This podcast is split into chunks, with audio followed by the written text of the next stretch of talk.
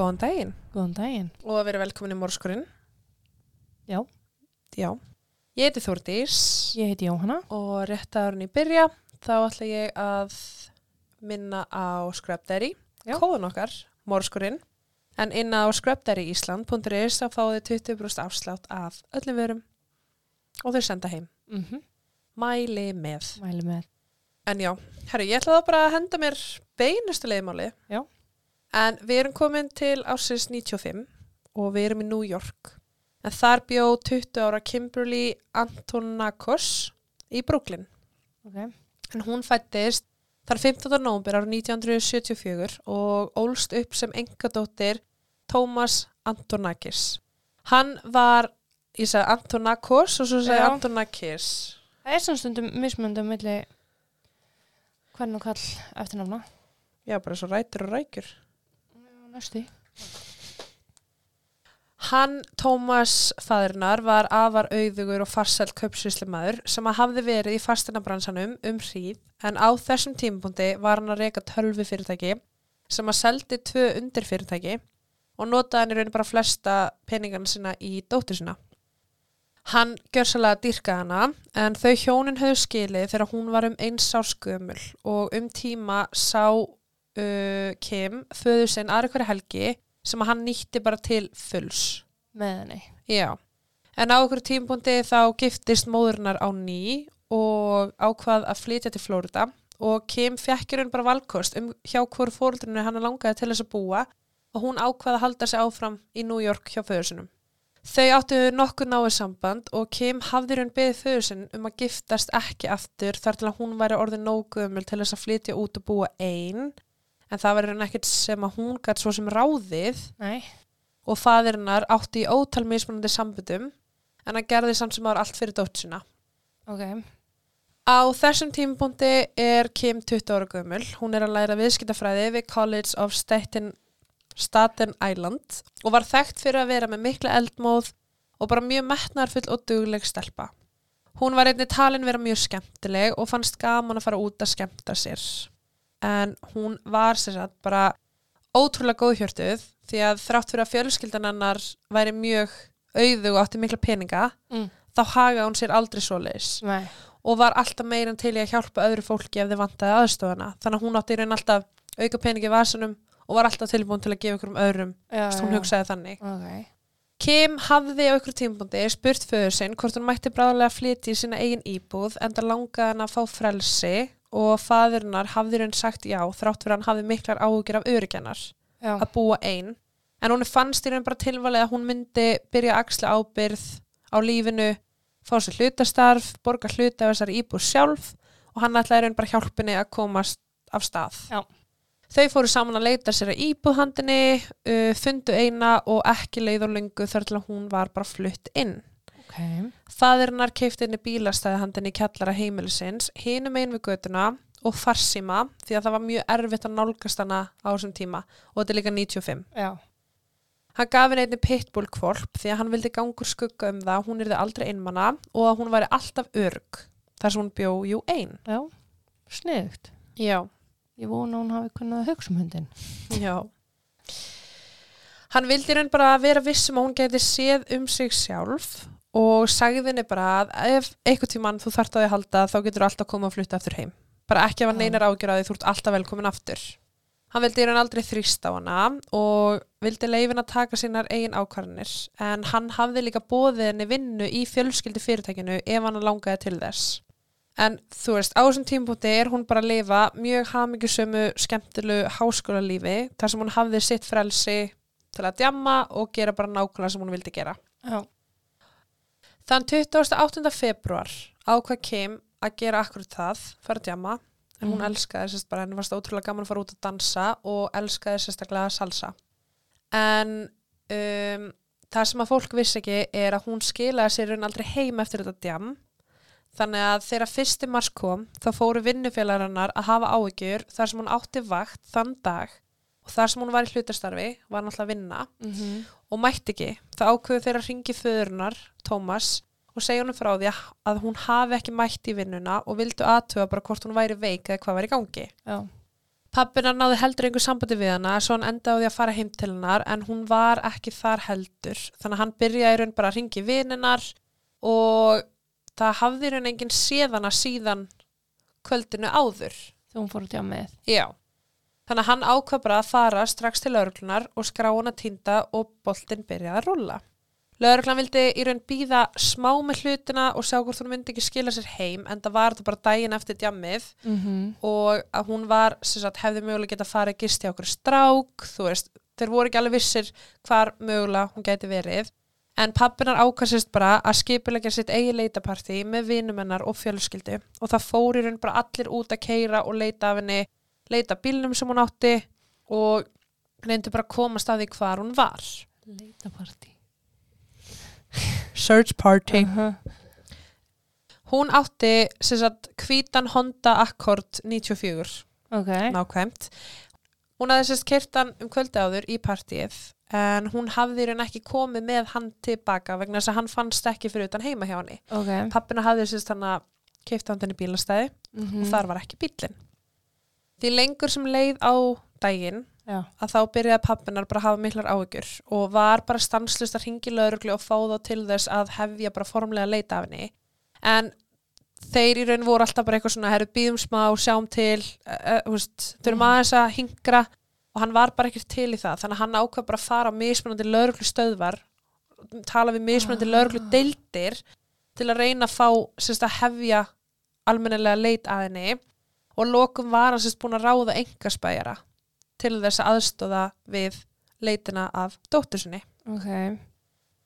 Daginn sem hún fór að drekka morgunin þannig að 28. februar þá hafði hún farið sérst í tíma í skólanum síðan fór hún að vinna á Amelias Interiors þar sem hún vann hlutastarf í bókaldi og um kvöldið uh, fór hún að skemmta sér í bænum með vinkonu sinni Liz en Liz hafði sérst komið heim til hennar og þær höfðu gert sér til saman heima hjá henni áðurnar fóru niður í bæ. Að söglis þá dönsuðu þær aldrei við neina stráka þær voru raun alltaf bara að dansa við hver aðra og klukkan fjögur þá ákveðu þær að fara aftur heim og Kim enda á því að skuttla Liz heim til sín sem að er sérst heimili hennar er hverfi í Brooklyn sem er nokkrum húsaröðum frá heimili Kim og sagði við Liz, herðu ég ætla að fara beint heim Ok. þannig klukkan fjögur aðfarnótt fyrsta mars Já. og það er daginn eftir sem hún er ekki mæti vinnuna Rannsakadur ákveðu þá sérst að fara heim til Kim í vonum að finna einhverjar uh, sannanir eða vísbendingar um það hvar hún væri og fóru aðalega sérst í bílskurinn vegna þess að þeir voru náttúrulega bara veltaði fyrir sér hvort eitthvað gerst á millega sem hún kom heim með ekki Mm og hvort hún hafi yfir höfu komið heim. Já. Bílinn hennar var náttúrulega ekki á staðnum en við sérst leit á þessu bílastæði þá fundur sérst að eyrnalokka, einn eyrnalokk Já. Og fengur sérst lis til þess að staðfesta það að Kim hefði verið með þessa eyrnalokka á sér um kvöldið sem segjar okkur það að hún hafi sérst komið heim í bílastæðið á bílnum sinum einhvern veginn fór eyrnalokkurinn úr henni og farið aftur. Já. Rannsakandur vissir hún ekkert hvað þetta þýtti, hvort að einhver hafi reynt henn úr bílskurnum þegar hún kom heim, uh, hvort hún hafi bara farið sjálfviljug eitthvert, Já. uh, ætlaði að hitta einhvern, en það var, sem sagt, það var ekkert blóð eða það voru ekki neinn ummerki um að einhver átök hafi átt sér stað. Ok. Það var bara þessi eyrnalokkur sem að fannst á jörðinni. Þeir sendu því en tilkynningu um að fylgjast með bílnum hennar þannig að allir lögreglu þjónar gætu uh, tilkynnta að þeir sæju bílinn og þarna var bara svona almennileg leit hafin almennileg almennileg, ég veisti bara röndina almennileg leit hafin af henni og bílnum hennar Já. Og það var bara gekkum í hverju einustu talstöð í hverjum einustu lögreglubíl í sagt, þessu hverfi Já. Tómas pappinar ringdi einni í löffræðingarna sína sem og FBI til þess að hjálpa sér við leitina og það kom í ljós að kreditkortinannar höfðu ekkert verið nótu síðan hún hvarf. Þannig að það leita ekkert út eins og hún væri á okkur flótta. Hún átti náttúrulega fullt af pening Já. og af hverju ætti hún ekki að nota peningi sinn til að einmitt kaupa eitthvað á leiðinni. að lifa á þeirra, já. Já. Eina leiðin til þess að finna Kim og bara koma staði mögulega hvar hún væri voru sem sagt fötinunnar en það var sem sagt leskat gefi greina góða lýsingu á því í hver hún var Mm. og það var til að fá fólk til að mögulega kannast við hana út frá því hvernig hún leit út þegar hún hvarf. Já. En hún var líka með tvö húðflúr, eitt á bakinu og annað á fætinum en hún var sem sagt með infinity merki og eitthvað sportreika sem var stjörnumerki hennar. Ok. Rannsakendur komist einni að því að inn í íbúðin hennar Kim þá var hún sem sagt, hún var alltaf með farsíma á sér en hún átti líka heimasíma og þá nótt höfðu verið ringt 65 símtöl úr íbúðin hennar sem að lauruglinn fannst mjög skríti þessu nóttu sem hún er að hverfa 65 símtöl. Já, úr heimasímanum Vá, ok. Lauruglan fór því heim til hennar og komist að því að þar var fólk heima hjá henni Mm. En hún átti sérst ekki meðlendur heldur var þetta vinkonarnar April og 23 ára gamli kæristinn hennar Joshua og 2 ára sonu þeirra. Ok. og lauruglan bankar upp á og spyr ok, hvað er þið að gera hér? Og April segir lauruglan frá því að sagt, það sé verið að gera upp gólfið í íbúinu þeirra og þau hafi ekki getað búið þar. Þannig að Kim hafði sagt, gefið þeim leifi til þess að gista hjá sér á meðan að það var verið að gera við íbúinu þeirra. En það var með auka söfnarbergi Ok. og þau hefðu dvalið á heimili Kim í um tvær vikur og voru sérst bara enn á staðnum þegar rannsökundur komu ánga að tala við þau og spurðu þau náttúrulega bara í kjölfarið um það hvort þau hefur séð eða heyrt frá Kim. Þau sögðust hafa heyrt frá því að Kim væri tínd en það hafði hún ekki skilað sér heim um kvöldið og sögðu frá því að þau að fara út að leita með Tómasi kvöldið eftir, daginn Já. eftir. Joshua sagði laurugleginni frá því að hann væri búin að ringi alla vini og vinkunur hennar til að reyna að finna eitthvað sem að vissu um hana og sagði sérst að það væri útskýringin á þessum símtölum sem að voru að berast frá heimilinu. Já. 65 símtöl að berast frá heimilinu. Joshua sagði að Kim væri bara eins og litla sýstir sín og hann væri alltaf að passa upp á hana og sagði oft að ef hún kemi heim með ykkur stráka þá væri sko honum að mæta eða þeir myndu koma ítla fram við hann. Og þú veist, í raunin áttu þau bara mjög gott vinnusamband. Ok. April, Joshua og Kim. Já.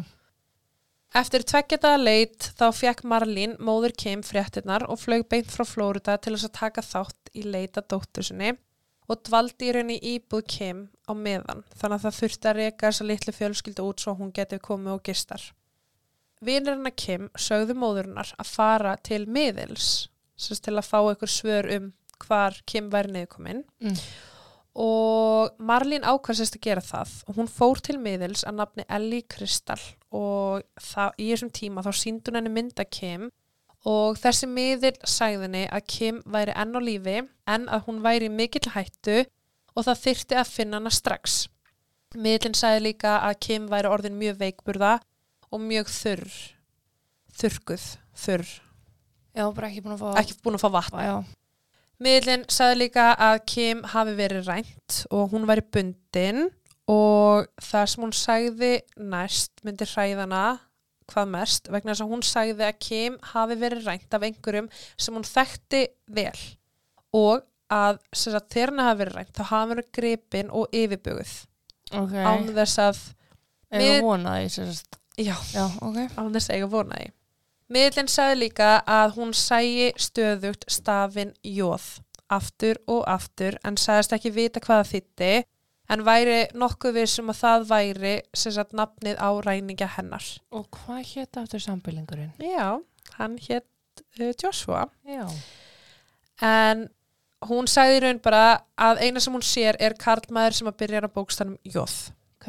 og þetta eru bara einhverju vísbyttingar sem að hún var að segja móður Kim ok á meðan að þetta var að gerast og leita af henni var í gangi þá var það svo að 4. mars var slökkvilið og lögreglan kölluð út þar sem að risastórt hús var bara alelda en það var staðsett á 86th Avenue Woodhaven í Queens og þetta var klukkan 2 um nóttina Ok. þá hafði uh, nákvæmni haldið því fram að áður en að brunni á sér stað þá hafi hundurinn hans verið að gelta í átt á húsinu bara stanslust, stóð bara gelta og gelta og gelta. Þetta var sérst bara eitthvað svona yfirgefi hús sem var þarna og nákvæmni gerði í raun ekki, gerði sér ekki grein fyrir að það væri eldur Já. fyrir en að hann bara sá allt í hennu skyndilega reik. Eldurinn slöknaði fljótt og því fóru rannsakandur og slökkulismenn inn vegna þess að þeir þurftu aðtöða hvort að væri nokkuð einhver í húsinu þrátt fyrir að væri yfirgefið og engi bjóðar. En þegar þeir komin í húsið og fóru neyri kjallara þá fundu þeir lík. Já. Það virðist vera dökkara kona og var hún alveg brent. Auðkenning átti eftir að reynast þeim erfið vegna þess að hún var náttúrulega bara óþekkileg en við frekari skoðun þá kom í ljós að sagt, uh, þessi konaði fundist í kjallara uh, í stól Já. og hún var bundin á fótum og höndum og það var búið að binda hana við stólinn. Ok. Hún var ekki neinum skóm og hendurna voru bundnar frá aftan, aftan bak og það var sérst eldurinn sem að varðin að bana. Ok. Það var sérst bara kveikt í henni lifandi. Þegar líkið kom uh, í krupningu, þá kom í ljós, eins og ég sagði að það var sérst reykur í lungum hennar sem að þýtti að einhver hafi kveikt sérst í einhverju í kringum hana Mhm. með þeim afleggingum að eldurinn stigmagnaðist, hún fór að anda sér reik Mhm. og brendist einni í kjölfarið og let hann í lífið. Það var samt ekki erfitt fyrir rannsakundur að gera sér grein fyrir hver mögulega þetta gæti verið en það var náttúrulega bara nýbúið að tilkynna unga konu týnda á þessu svæði Já. og það voru náttúrulega bara ekki liðinu nema þrýr dagar frá því að hún var týnd eða sérst tilkynnt týnd. En það fyrsta sem að lauruglan gerði var sérst bara að láta fóreldrarnar vita að það hefði fundist lík af konu og að þeir þurfti í raun að fá tannlæknarskíslur frá Kim vegna þess að það var ekkit annað sem gæti mögulega auðkendana. Nei. Tómas baði um að fá að sjá myndir til þess að geta sagt til um að hvort það væri dóttir hans eða ekki en hún var bara bannað að sjá það þar sem að Það var ekki mikið eftir. Það. En þeir gátu samt sem aður séð mjög óskýrt að konan var með tvö húðflúr, Ok. Infinity merki og sportreika. Mm. Og það var þá sem þeir vissu bara að þetta væri hún. Já. Og þetta var bara að auðkennana. Hver sem er hefði geta gert hann þetta og þeir voru raun bara á algjörum byrjunarreit. Rannsakaðu reyndi að finna fingra fyrir vettfangi glæpsins þar sem að líkana fannst uh, sem og þar sem að talið var að henni hafi verið rænt, sérst úr bílskurnum Já. en þeir fundi ekki neitt. Hljóðið sem að nákvæmlega heyrði í sífellu þegar hundurinn var að gelta þýtti raun að hundurinn var að gelta vegna þess að Kim var þarna inni að öskra eftir aðstóð. Já. Sá sem átti heimili hafði verið að reyna að selja það og kom reglulega að kíkja á það en annars var hann alltaf bara yfirgefið og flest allir vissu það. Uh, eigandinn, hann raun fór bara þangað nokkur, þú veist að nokkra vikna fresti til að sækja póstinn Já. og stundum var hann bara eitthvað hann að taka myndir og gera og græja eitthvað svona drasl en hann Mm. var alls ekki ofta á staðnum og þegar hann heyrða náttúrulega bara frétta að því að það hafi kviknað í húsin hans uh, og að konaði fyndi slátin á heimilinu að þá sagði hann lögreglu frá því að hann hefði farið ángað á þessum tímarama sem að Kim hafði greinilega verið hana en hann fór aldrei neyri kjallara, hann fór hérna bara að sækja póstið sinn Já. en hann sagði mynda að hann hafi ekki séð neitt eða heyrt neitt Ok. Þannig að það þurfti ekki mikið til að Kim hefði geta verið bjargað þennan daginn. Uh, það sem að sjokkeraði Marlín, móðurna mest, er að þetta var svolítið líkt í sem að miðlinn hafi verið að segja. Mhm. Vegna þess að hún var bundin, henni var rænt, Mhm. uh, hún var þurr, var ekki búin að fá vatn og var í hættu og þurfti aðstóð strax. Já. Allt sem að miðlinn var að segja reyndist í raun bara vera rétt. Smóstinn sér hún dáin. Já, þannig að fóreldrar hennar, sem sagt Kim, ákveða að fara aftur til þessa miðils til að reyna að fá frekar upplýsingar um það og mögulega þú veist bara hvort hún gæti sagt þeim hver gerði þetta. Já. Þetta voru í raun, sem sagt, miðlinn, fóreldrar hennar og rannsakandur sem að mættu með. Ok. Vegna þess að þeim fannst þetta mjög áhugavert Já. að hún skildi hafa sagt allt rétt í rauninni. En miðlinn þá sagði að hún sægi fjóra aðila sem að höfðu tekið þátt í þessu kvarfi Kim Ok. sem að leita að döðunar. Hún sagðist hafa séð staðin í jóð og enginn í raun bara átt að sá því hvers konar var jóð en þarna komist þér að því að hún sá fjóra aðila Mhm. jóð og fjórir. Tómas hafði bóðið tíu stólara til að fá sérst upplýsingar um morðu á dótsinni og einmitt líka til að fá upplýsingar um hvar dóttir þess væri niðurkomin áður en hún fannst og Tómas sagði mitt lögreglunni frá því að hann hafði fengið tvö símtöl uh, sérst í talhólfið heima á sér uh, þar sem að einhver hafi reyndið að hafa sambandi við hann en sagði ekki neitt í síman Ok. og lögreglan taldi þá að einhver hafi mögulega ætlað að byggja um lausnagjald Mm. en það var aldrei hringt aftur og í raun vissi enginn hvað var frétta og Tómas hugsaði bara já, ok, einhver að ringi vittlust númer. Já. Sumir gengu svo langt að segja að þetta væri Tómas að kenna þar sem að hann var mjög auður kaupsýslumæður og átti mörg fyrirtæki en hann var sérst með fyrirtæki á svæði sem var þekkt fyrir uh, bara, það var staðsett þar sem að voru mikið að sérst mafjum Mhm. og svona gengum Mm. og það var staðsett á þeim stað og þá var kenningin svo að hann var í slagtói með einhverjum manni að nafni John sem að var sagt einhver mafíu konungur þú veist og það voru margir sem voru sérst bara að segja að Thomas og John hefði átt í einhverjum útistöðum Já. við hvern annan og að John hefði sérst tekið út á dóttur Thomasar og daðarara þú veist það er bara alls konar sögur fór í gang Já. eftir að Kim fann sláttinn Eins og vil gerast. eins og vill gerast um, en samt sem aður þú veist John hann hefði alltaf einn frekar farið eftir honum heldur um dóttur hans. Mm uh, og sérstaklega ef, hann, ef það væri eitthvað sem er pening að þá af hverju ætti núna er hún látin, af hverju ætti Tómas á að borga yfir höfuð, -hmm. hann ætti á frekar að borga til að fá dóttur sinna tilbaka. Mm en það voru bara engar sannanir fyrir þessu og þetta var bara eina af þessum sögursögnum sem fór á flakk og lögreglan var að skoða Sama dag líkana fannst á fundur einni bílinn hennars en íbúar höfðu tekið eftir bíl sem hafði verið ósnertur í nokkra daga. En bílinn hafði raun ekkert verið óbyrberlega tilkynntur stólinn þrátt fyrir að lauruglan hafi sendt út svona be on a lookout tilkynningu Mm, eða IBB já, tilkynningu. Þannig að þeir, þú veist, þannig að var raun enginn að tengja þennan bíl við hvarfið á Kim. Nei. Í skottinu á bílnum hennar fannst hitt parið af eyrnaloknum hennar en þar voru einni hár og fingrafur þannig að ljóst er að hún var sjálf í skottinu Já. Sex mánuðum síðar, eða 7. september, komu vitni fram, karlmaður og kona, fullirtu að vinu þeirra hafi á ykkur tímpúti verið að monta sig af morðinu á Kim. Vinur þeirra hétt Joshua, Mm. en þetta nafn hljómar að vísa kunnulega, en það var þetta vinurinnar sem að fekk að búa með henni -hmm. með kæristinu sinna og badni. Hann átti þá að hafa hringt í uh, alla vinina Kim og sagði að sérst, eini sem hafði ekki svara símanum hafi verið fyrirvændi kæristin hennar Kim uh, sem var með gælunafnið Psycho Já. já, sérst fyrirvændi Kim Já. ekki Joshua Nei, og Joshua sagði sérst lögreglunni að Kim væri mjög hrætt við hann og hann var sérst frá Rúslandi Psycho, fyrirvændi Ok. Kim og Joshua sagði hann að við séð hóp rússa keira niður götuna kvöldi sem að Kim hvarf þannig að veist, þannig er hann í raun bara að segja lögreglunni frá því að einu sem svara ekki var Psycho, Mm hann er frá Rúslandi og hann sá rússa. Á hann ekkert annað nafn en Psycho. nei, Ok. hvernig serðu samt þegar það eru fjóri rússar að keira eða fjóri íslendingar? já, ég veit ekki, sko. ég ger mér ekki grein fyrir því. Joshua hafði einnig sagt við pappinar Kim að hann teldi að Psycho hafi eitthvað gert hafi eitthvað með hvarfið á Kim að gera. Mm og Tómas hafði sérst fengið mynd af honum uh, frá Joshua og farið með hann nýr á lauruglustöð og látið vita af Psycho og þeir ættu sérst að fara og skoða hann.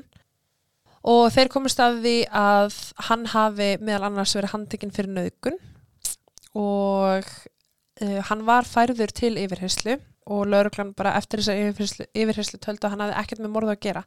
Hann var meðal annars með húðflúrun með nafni Kim á fætinu sínum uh, sem náttúrulega gerði hann mjög grunnsalegan Já.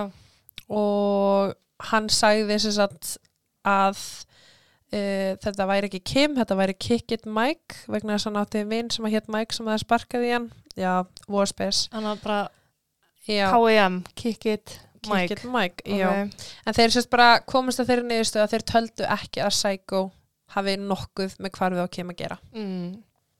Lauruglan fór aftur heim til Kim bara til að rannsaka heimilið og þeir skoðu meðal annars símaskránennar Já. og komist að því að flest þessara símtala sem að voru gerð frá heimilinennar voru ekki gerð til vina hennar heldur til mismunandi bara tilviljun að kendra kvenna en sérst Joshua hefur sagt að hann verið að ringja frá heimilinu Já, já. í vini til að finna Kim Mm en það var bara ekki rétt, hann var bara að ringja ykkur gælur Og og mikið að gera þess að nótt kannilega. 65 símtöl sko og kona henni við hliðina en ok en sem sagt, Kim hafði náttúrulega verið rænt, hún var náttúrulega ekki inn á heimilinu Nei. og hafði augljóslega ekki farið inn til sín eftir að henni var rænt vegna þess Mhm. að henni var augljóslega rænt frá bílastæðinu, það Já. náttúrulega var kenning lauruglu og þeir ákveðu sérst að skoða símbóðan hjá Joshua það voru ekki allir með farsíma á þessum tíma Nei. um kvöldið hafði hann fengið skilaboð sem að komu sérst frá íbúðun hennar Kim. Og hann sagði að hann hafi verið í íbúðun all tíman með konu sinni og batni og það var allir bara ok en af hverju ættir þá að fá skilaboð frá sam stað og þú varst, eða þú varst inn í íbúðun all Já, tíman með. af hverju ætti einhver innan úr íbúðun að vera að senda þér skilaboð þegar þú ert á staðnum? Og þeim fannst þetta svona svolítið skríti En það var náttúrulega bara mikil frétta umfyllin í gangi hvað mögulega hefði komið fyrir og það voru bara allir að vinna non-stop 24-7 að reyna að finna morðingja Kim. Á þeim tímapunkti sem að leit stóð yfir, það hafði sérst Tómas byðið Joshua um að koma með sér að leita og hann hafði neitað því og sagt sérst við Tómas, pappinar, að hann og vinur hans Júlió ætluðu Jóa. sérst bara að leita af henni saman, já. Ok. og veist, þetta var allt bara eitthvað mjög skrítið. Uh, pappina var líka að reyna sérst baðan um að koma með sér í kirkuna því hann vissi að uh, Joshua væri katholskur Já. hann vildi það ekki og þú veist, bara darrara og hann var bara svolítið mikið svona að fjarlæga sig frá öllu ok. sem var í gangi. Áttu hann fleiri vinir sem hétu eitthvað jóð? góð spurning. Margir vinir hennar Kim eða bara allir höfðu mætti gera það fyrir hennar Joshua gerði það hins vegar ekki. Hann var að vinna, hann átti eitthvað peninga og lifði í raun bara á koninu sinni april og hann sagði að það veri ástæðan fyrir hann gæti ekki mætt í jarðaföruna af því hann vantaði náttúrulega bara pening til að hugsa um fjölskylduna en hann var bara á þessu tímpúti orðin mjög grunnsalur þeir náttúrulega voru búin að útiloka Psycho og Sæk, ég get ekki tekið þetta alvarlega, sko. Og þú veist, Joshua hafði líka sagt, þú veist, að hans kenning væri svo að þrýr menn höfðu ræntinni, kastað henni í jörðina og sett henni skottið á bílnum og það hliti bara að hafa verið mannrán sem að fór úrskeiðis. Og það voru allir bara eitthvað svona, ok, það er rosalega skrítið að þú sett bara komið þessa kenningu. Já. Joshua átti sérst nokkra vini kringu sig og í staðin fyrir að fara beint í Joshua þegar þeim var farað svona aðeins að grunnan smá, Já. það ákveður sérst að fara til vinar hans og ræða frekar við þá og fá smá útskýringu frá þeim. Mm En í fyrsta lagi var það Júlió sem var yfirheyrður og það kom í ljós að hann hafði okkur tímabúti verið að deyta Kim, hann elskaði hana og vildi skuldbunda sér henni en hún hafði ekki neitt áhuga þannig að þau hættu saman. En hann hafði sérst kynst henni gegnum Joshua og April. Eftir að smá var liðið af yfirheyrslunni að þá skyndilega játaði Júlió á sem morðið. En hann sagði að hann hefði ekki skipulagt það. Hann sagði að Joshua hefði gert það, þannig að hann var, Joshua, tekið nýra lögreglstöð og úst, hann var í raun bara að segja að hann hafði ekkert með þetta að gera. Anna, Hann hafði verið- Já, nei, úst, Joshua var bara, hei, ég var heima með April, konu minni. Já, þú meina veit hann, ekki já, hvað Júlíu er að já, segja. fyrir- Já, ég. Já. Þetta var ógslega skyndilegt, þú veist, þeir tóku bara Júlió í yfirherslu, voru að pressa á hann, voru bara eitthvað, hei, við vitum hvað þú gerðir, við vitum hvað Mhm, gerist, við vitum hvað mhm. gerist, sem endaði bara með hann brotnaði og fór að segja frá. Lörglan náttúrulega bara trúði ekki neinu sem að Joshua var að segja Mhm. og einhvern veginn náðu þeir að fá út úr þeim þriðja nafnið en það var sérst 19 ára vinur þeirra Nicholas en Nicholas hann var kallaður Little J Mm. þannig að það voru sérst Joshua, Little J og Júlió sem að voru þarna handteknir Og hann er eitt jóði viðbót. Já, það vantar eitt jóði viðbútt en það var sérst þeir áttu einni vin sem að hétt Jóse og hann var einni viðriðin þannig raun voru þetta fjórir menn Mm. sem að allir þekktu Joshua, nei sem allir þekktu Kim og hjálpuðu við leitina að henni. Já. Rannsakandur fóru þá náttúrulega bara að reyna að finna út úr því hver ástæðan var að baki morðana. Þeir vissu að allir þessi menn höfðu á einhverju tímapunkti lendi kast við lögin og voru að sakaskrá, sumir fyrir minnáttabrót á meðan aðrir fyrir grófari brot, en þeir voru aldrei svo slæm að þeir lendi fangils á einhverju tímapunkti. Ok. Little J var leistur úr gæsluvaraldi gegn tryggingu uh, nóttina sem að mannráni átt sér stað en hann hafði sérst verið tekin í gæsluvarðald uh, fyrir að brjótast inn á eitthvað heimili og sömur sögðu að hann hafi meðal annars miða byssu á okkur konu sem að bjóðar og hótaði að drepa hana ef hún leta hann ekki fá pening en hann var sérst handtekinn þegar þetta var að gerast vegna þess að einhverju lauruglumenn átti bara leið hjá, ótrúlegt en satt Mm. og hann fekk sem sagt fyrir að játa þetta þá fekk hann sagt í raun bara 25.000 dollara sekt í staðin fyrir 25 ár vegna þess að móður hans hafi keipt þannig mjög dýran og góðan lögfræng Mm. Já. Peningar. Joshua var einn á reynslu lausn á þessum tíma uh, og þessir allir fjóri menn voru raun bara þekktir fyrir það að ræna fyrirtæki og ræna bara í raun fjölskyldur. Rannsakandur voru náttúrulega bara að reyna að púsla þessu saman. Uh, Kim fór náttúrulega að djamma þarna kvöldi áður og um kvöldið þá hafði Little J fengið símtal frá Joshua þar sem að hann sagði Kim er úti, hún er ekki heima ef við ætlum að gangi gegnum þessi áhullin þá þurfum við að gera það í kvöld. Mm. en þessi áhullin sem hann minnist á er líklega stað þeir ætla að reyninni En þessi áætlunagerð byrjaði þegar Joshua hafði sérst ætlaði að kaupa sér mjög dýran bíl sem hann átti ekki efni á og byrjaði að segja vinkonu sín Kim ætti fullt af peningum og var í raun bara að segja við vinn sinna hei, ok, við getum rænt henni Mm og byggðum um lausnagjald og þá þurfum við aldrei aftur að hafa áhyggjur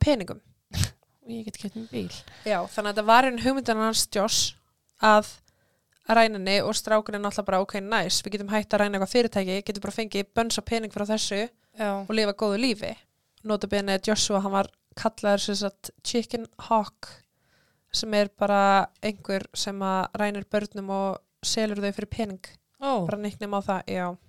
En hann hafði sem sagt fengið dóm áður fyrir um, kynferðisbrot gegn stúlku sem var undir lögaldri. Og, veist, og þannig voru líka bara brotin hans og eitthvað með að hann ætlaði sem sagt að komin út í eitthvað kynlífsvinnu og dari, rari, rari, rari, rari. Mm. Smart. mjög smart. En þe þessir allir fjórir menn eða strákar, þeir voru bara mjög hættilegir. Og þessi glæpir þeirra enduðu bara á því að stigmagnast út í eitthvað hróttalegt morð. Lörglan velti þó fyrir sér á tímubili hvort að April hafi verið viðriðin eða ekki. Þannig að hún var náttúrulega bara fengið neyru stöð. Þegar þetta allt var að gerast. Og henni var sagt í personu að Kim væri látin af því þeim langaði til að sjá viðbröðunarnar Mm. og þeir einhvern veginn töldu bara að hennar viðbröð væru genuine að hún Já. væri uppnámi og hún hafði ekki hugmynd um þetta já. hún sagði frá því að það kvöld hafi sérst April og Joshua eh, verið heima í rúminu sinu og þau voru allan tíman í íbúðin hennar Kim hún sagði að þegar heima sem minn byrjaði að ringja þá létu þau sérst bara talhólfið taka við því vegna þess að þau vildi ekki færa sig úr rúminu en morgunin eftir sagðist hún að tekið eftir að Kim skilaði sér aldrei heim og það var enn búð um rúmið hennar og hún hugsaði með sér að Kim hafi líklegast bara gist einhverstar annar staðar Mm. og farið síðan í vinnuna eins og vanlega og myndi síðan bara skila sér heim. Já.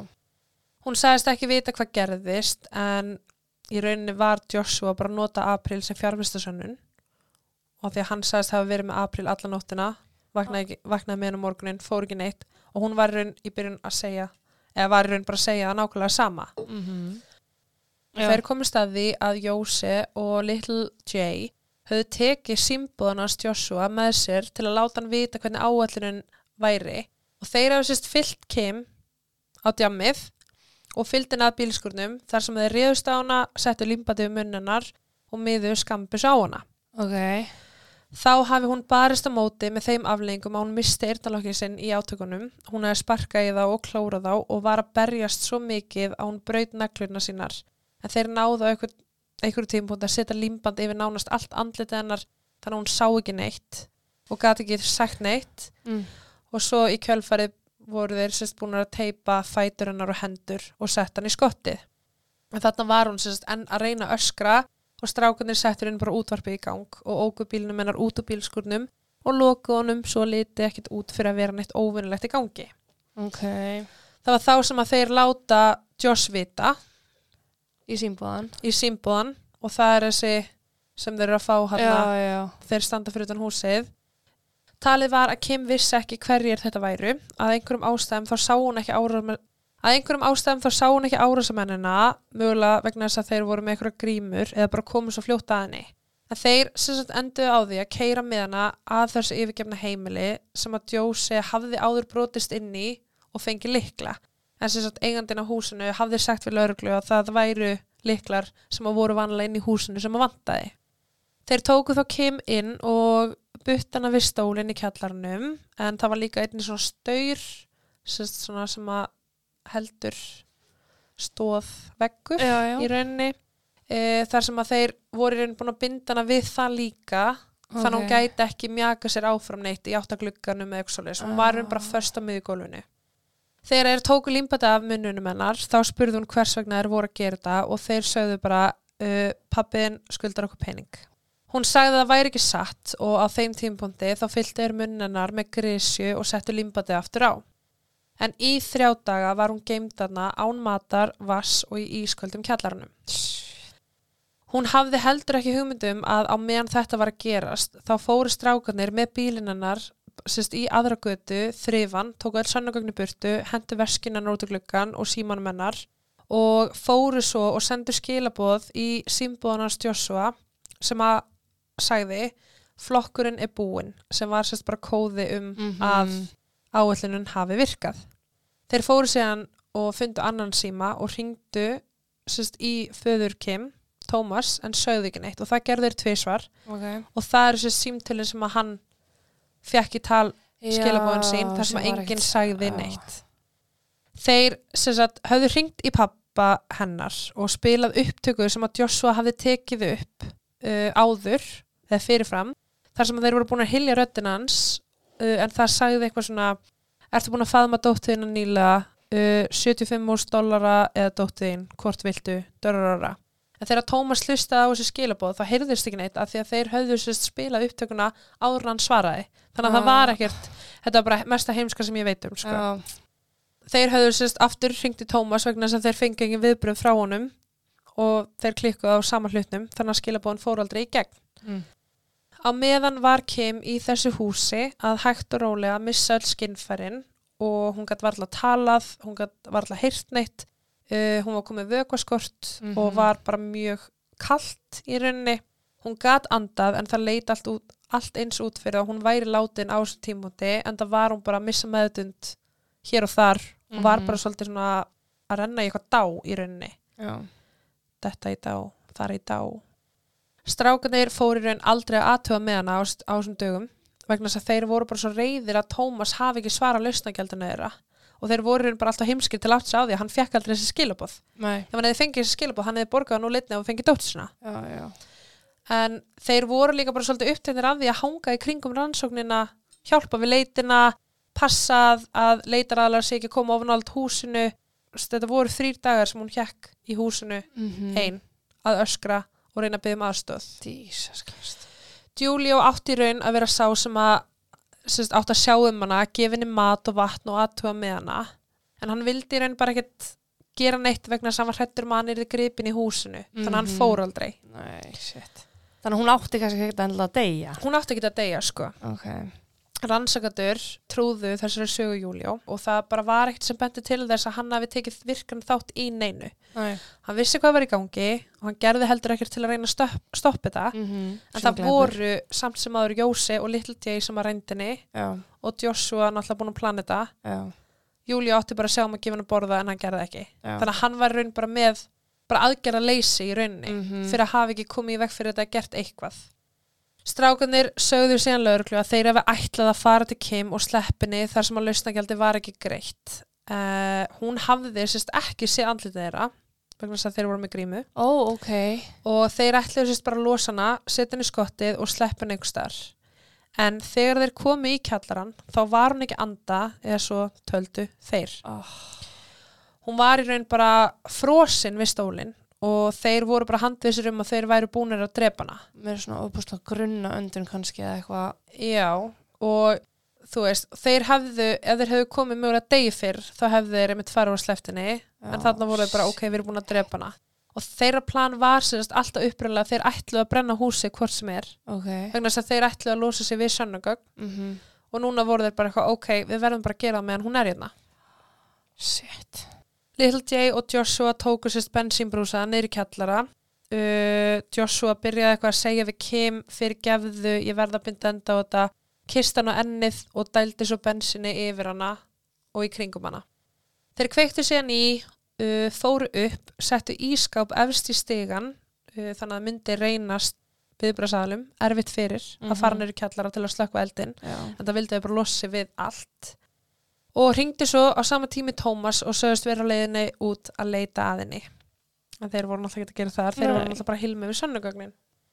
Þegar Little J hafði játað þetta þá spurði hann hvort hann myndi fá 10 dólar af verðlinni núna þar sem að það var jú hann sem að kom fram. Kjafti. fyrir ég bara hversu heimskur ertu? En sem sagt Joshua og Little J voru ákjörðir fyrir mannrán morð og íkveikju það var raun ekki talið að uh, Júlió hafi verið eitthvað þannig sem með í þessu verki en þeir vildu sérst haldunum til þess að fá vitnisbyrjun hans en vissu náttúrulega bara án ákjörðu þá gæti þeirra ekki Nei. Jóse var aldrei yfirheyrður vegna þess að hann var látin en að þremur mánuðum eftir morðið á Kim uh, og þremur mánum áður en þessir menn voru fluttið til yfirherslu Mm. þá hafði hann verið skotin til bana á götunni uh, þegar hann var að ganga með kæristun sinni. En það var bara einhver sem að gekka á honum og skauta og hann lest samstundis. Og kenningin er svo að Jósi hafi viljað fara á lauruglustöðuna og segja frá því hvað gerðist. Ah. og Joshua hafi drepið hann til þess að fá hann til að þegja. En morðið á Jósi er ólist Ok. Jeps, og það myndi líka sumleis setja strákana í mjög góða stöðu að bendla Jósi við morðið á hann Já. og þeir hafi ekkert með að gera þegar hann er látin Mm þannig að þetta voru sem sagt bara Joshua og Little J sem voru ákærðir -hmm.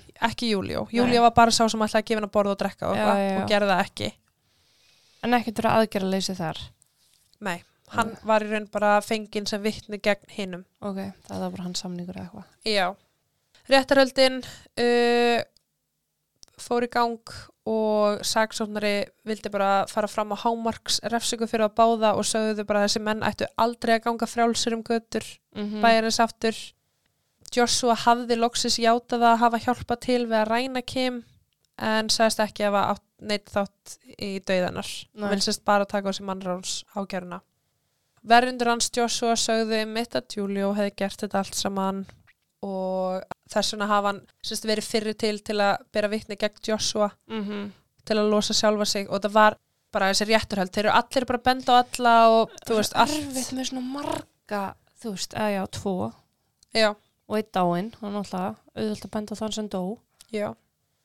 April og Joshua höfðu í raun bara hætt saman stuttu eftir að Kim lest og það líði þetta nokkri mánuðir þar til að hann var, þeir voru handteknir og Joshua átti þá líka sérst, hann eignast aðra kæristu Já. og þær sérst komið báðar fram sem vitni í réttarhöldunum Ok. þessi fyrirvandi kærista, hún sagði meðal hans frá því að uh, hún, sérst, hún átti fjögur börn sem að Joshua, þú veist þegar þau voru saman og að Joshua hafa einhver tímabundi mætt heim til hennar, sparka niður hurðuna, kýlt hann í andlið þú veist, og hann hafi bara verið mjög ofbeldisfullur við hana Mm. og hann hafi sér satt á einhverju tímapunkti sagt að hann gæti, ef hún myndi ekki haga sér eða hlýðunum þá gæti hann bundið hann í bílskurnum og brent hana Sæl. og hún hafi sérst kom til örglunar og sagði þeim frá því hvað er gerst og hún sagði mitt að hann hafi játa fyrir sér að hann hafi brent konu til bana og það Mm. hann hafi þannig hóta henni lífláti uh, fyrir átti kæristan hún sagði líka að hann hafi játað að hafa myrt Jósi Við sig. já Ok. En það fæst náttúrulega ekkert sannað. það fæst náttúrulega ekki sanna þetta var bara, þú veist, hennar hennar orð sko Já.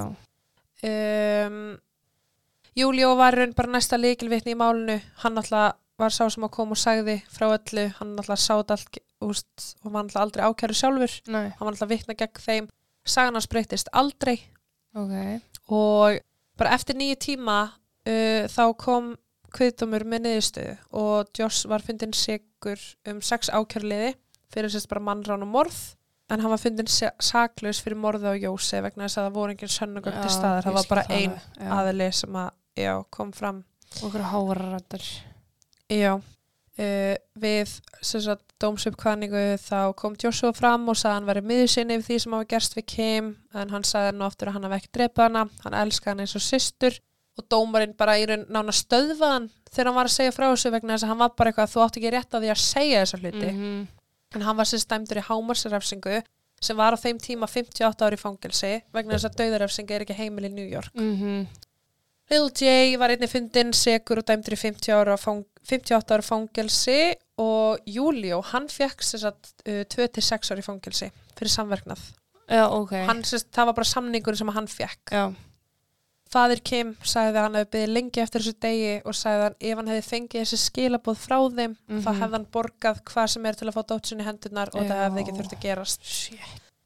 Á meðan að Little J var í fangelsi þá var sér satt ráðist á hann um, af því að hann hafði á einhverjum tímpúndi með að byssa einhverjum dreng og þá fólk var bara ekkert ána með það að hann, sérst, þetta er bara ef þú brýtur gegn börnum þá ert þú bara hataður punktur í fangelsi sko.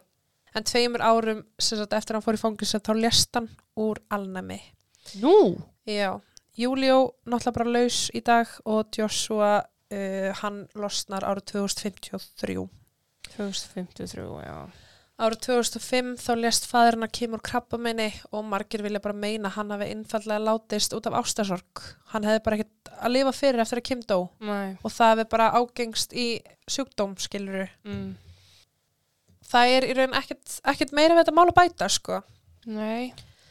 Þetta er svona svo umulegt að einhvern veginn þrjá daga gjössalega kvæljast. Og mér er sko óhugnulegt að hundurinn var að gelta vegna Já. hundurinn heyrði Mm -hmm. en alltaf auðvitað fór enginn aðtöða þetta er yfirgefið húsnæði Já. en líka bara það sem þeir eru tilbúinir til að gera fyrir pening sko og líka bara Sem af púlsinn, halló Já. Ekki það að púls getur orðið mjög vægur sko, en samt. já, Þetta er hrikalegt. það, já, þetta er bara umlegt og bara að þú veist Kim, hún bókstálega var svelt og kvalin í þrjá daga hún var actually brend lifandi Mhm. allt út af því að þessir vinirinnar, svokölluðu vinirinnar Nákvæmlega. en ég er mitt bara að þessi miðill sko, nennir að segja mér hvað ég verði eftir fimm ár Já. please Mér finnst oft iffi þegar þeir svona er að skipta sko. sér á svona málum en þetta er alveg Nei, veist, ég er bara ótrúlega mörgum máli sem ég hef verið að skoða sem er að gerast í rauntíma og svo koma miðlar með sína sögu og svo actually leysist málið og maður er bara eitthvað, ok, miðlinn sagði vatn en hún actually fannst, sko, já, þú veist, já, og já. maður er bara eitthvað svona, ah, þú veist, þá er líka svo ógæslega oft, bara það sem að miðlar segja, maður er einhvern veginn svona trúir því ekki og tristir því ekki. Það hefur svo sem ekkert með miðla að gera, það er líka bara sumir sem eru, þú veist, slæma personur og gefa sér út sem miðlar og er ekkert með og vilja bara já, græða publicity Mhm. og pening, sko, algjörlega. þannig, En- sko. Bara þessi miðl hafði, sko, rétt fyrir sér með allt. Já, Fjóri gæjar, allir byrja á jóð, líka hverju líkaður að þeir byrja allir á jóð. nákvæmlega fjórir og allir er jóð og Já. Little J sem hétt eitthvað allt annað. Nikolas Já. en hún bara fjóri gæjar, allir byrja á jóð þú veist, og bara ó, ótrúlegt hvernig hún vissi bara nákvæmlega hvað hafi gerst Já, það er fárulegt, sko. og þú veist, og það er svolítið svona líka bara kom lauruglun á sporið með Mm líka það náttúrulega að, að fyrirvændi kærasta Joshua, hún hafði náttúrulega farið til lauruglu og sagt þeim frá því að hann hefði játa morð Já. Jesus. En já, ég að hef ekkert meira við þetta mál að bæta Nei, þetta er umlegt, jeps, eins og allt annað. jeps, jeps, jeps, jeps, jeps Já. en já, ég þarf að segja þá bara takk í dag Mm Takk og bless Mhm. og þar til næst. Takk og bless.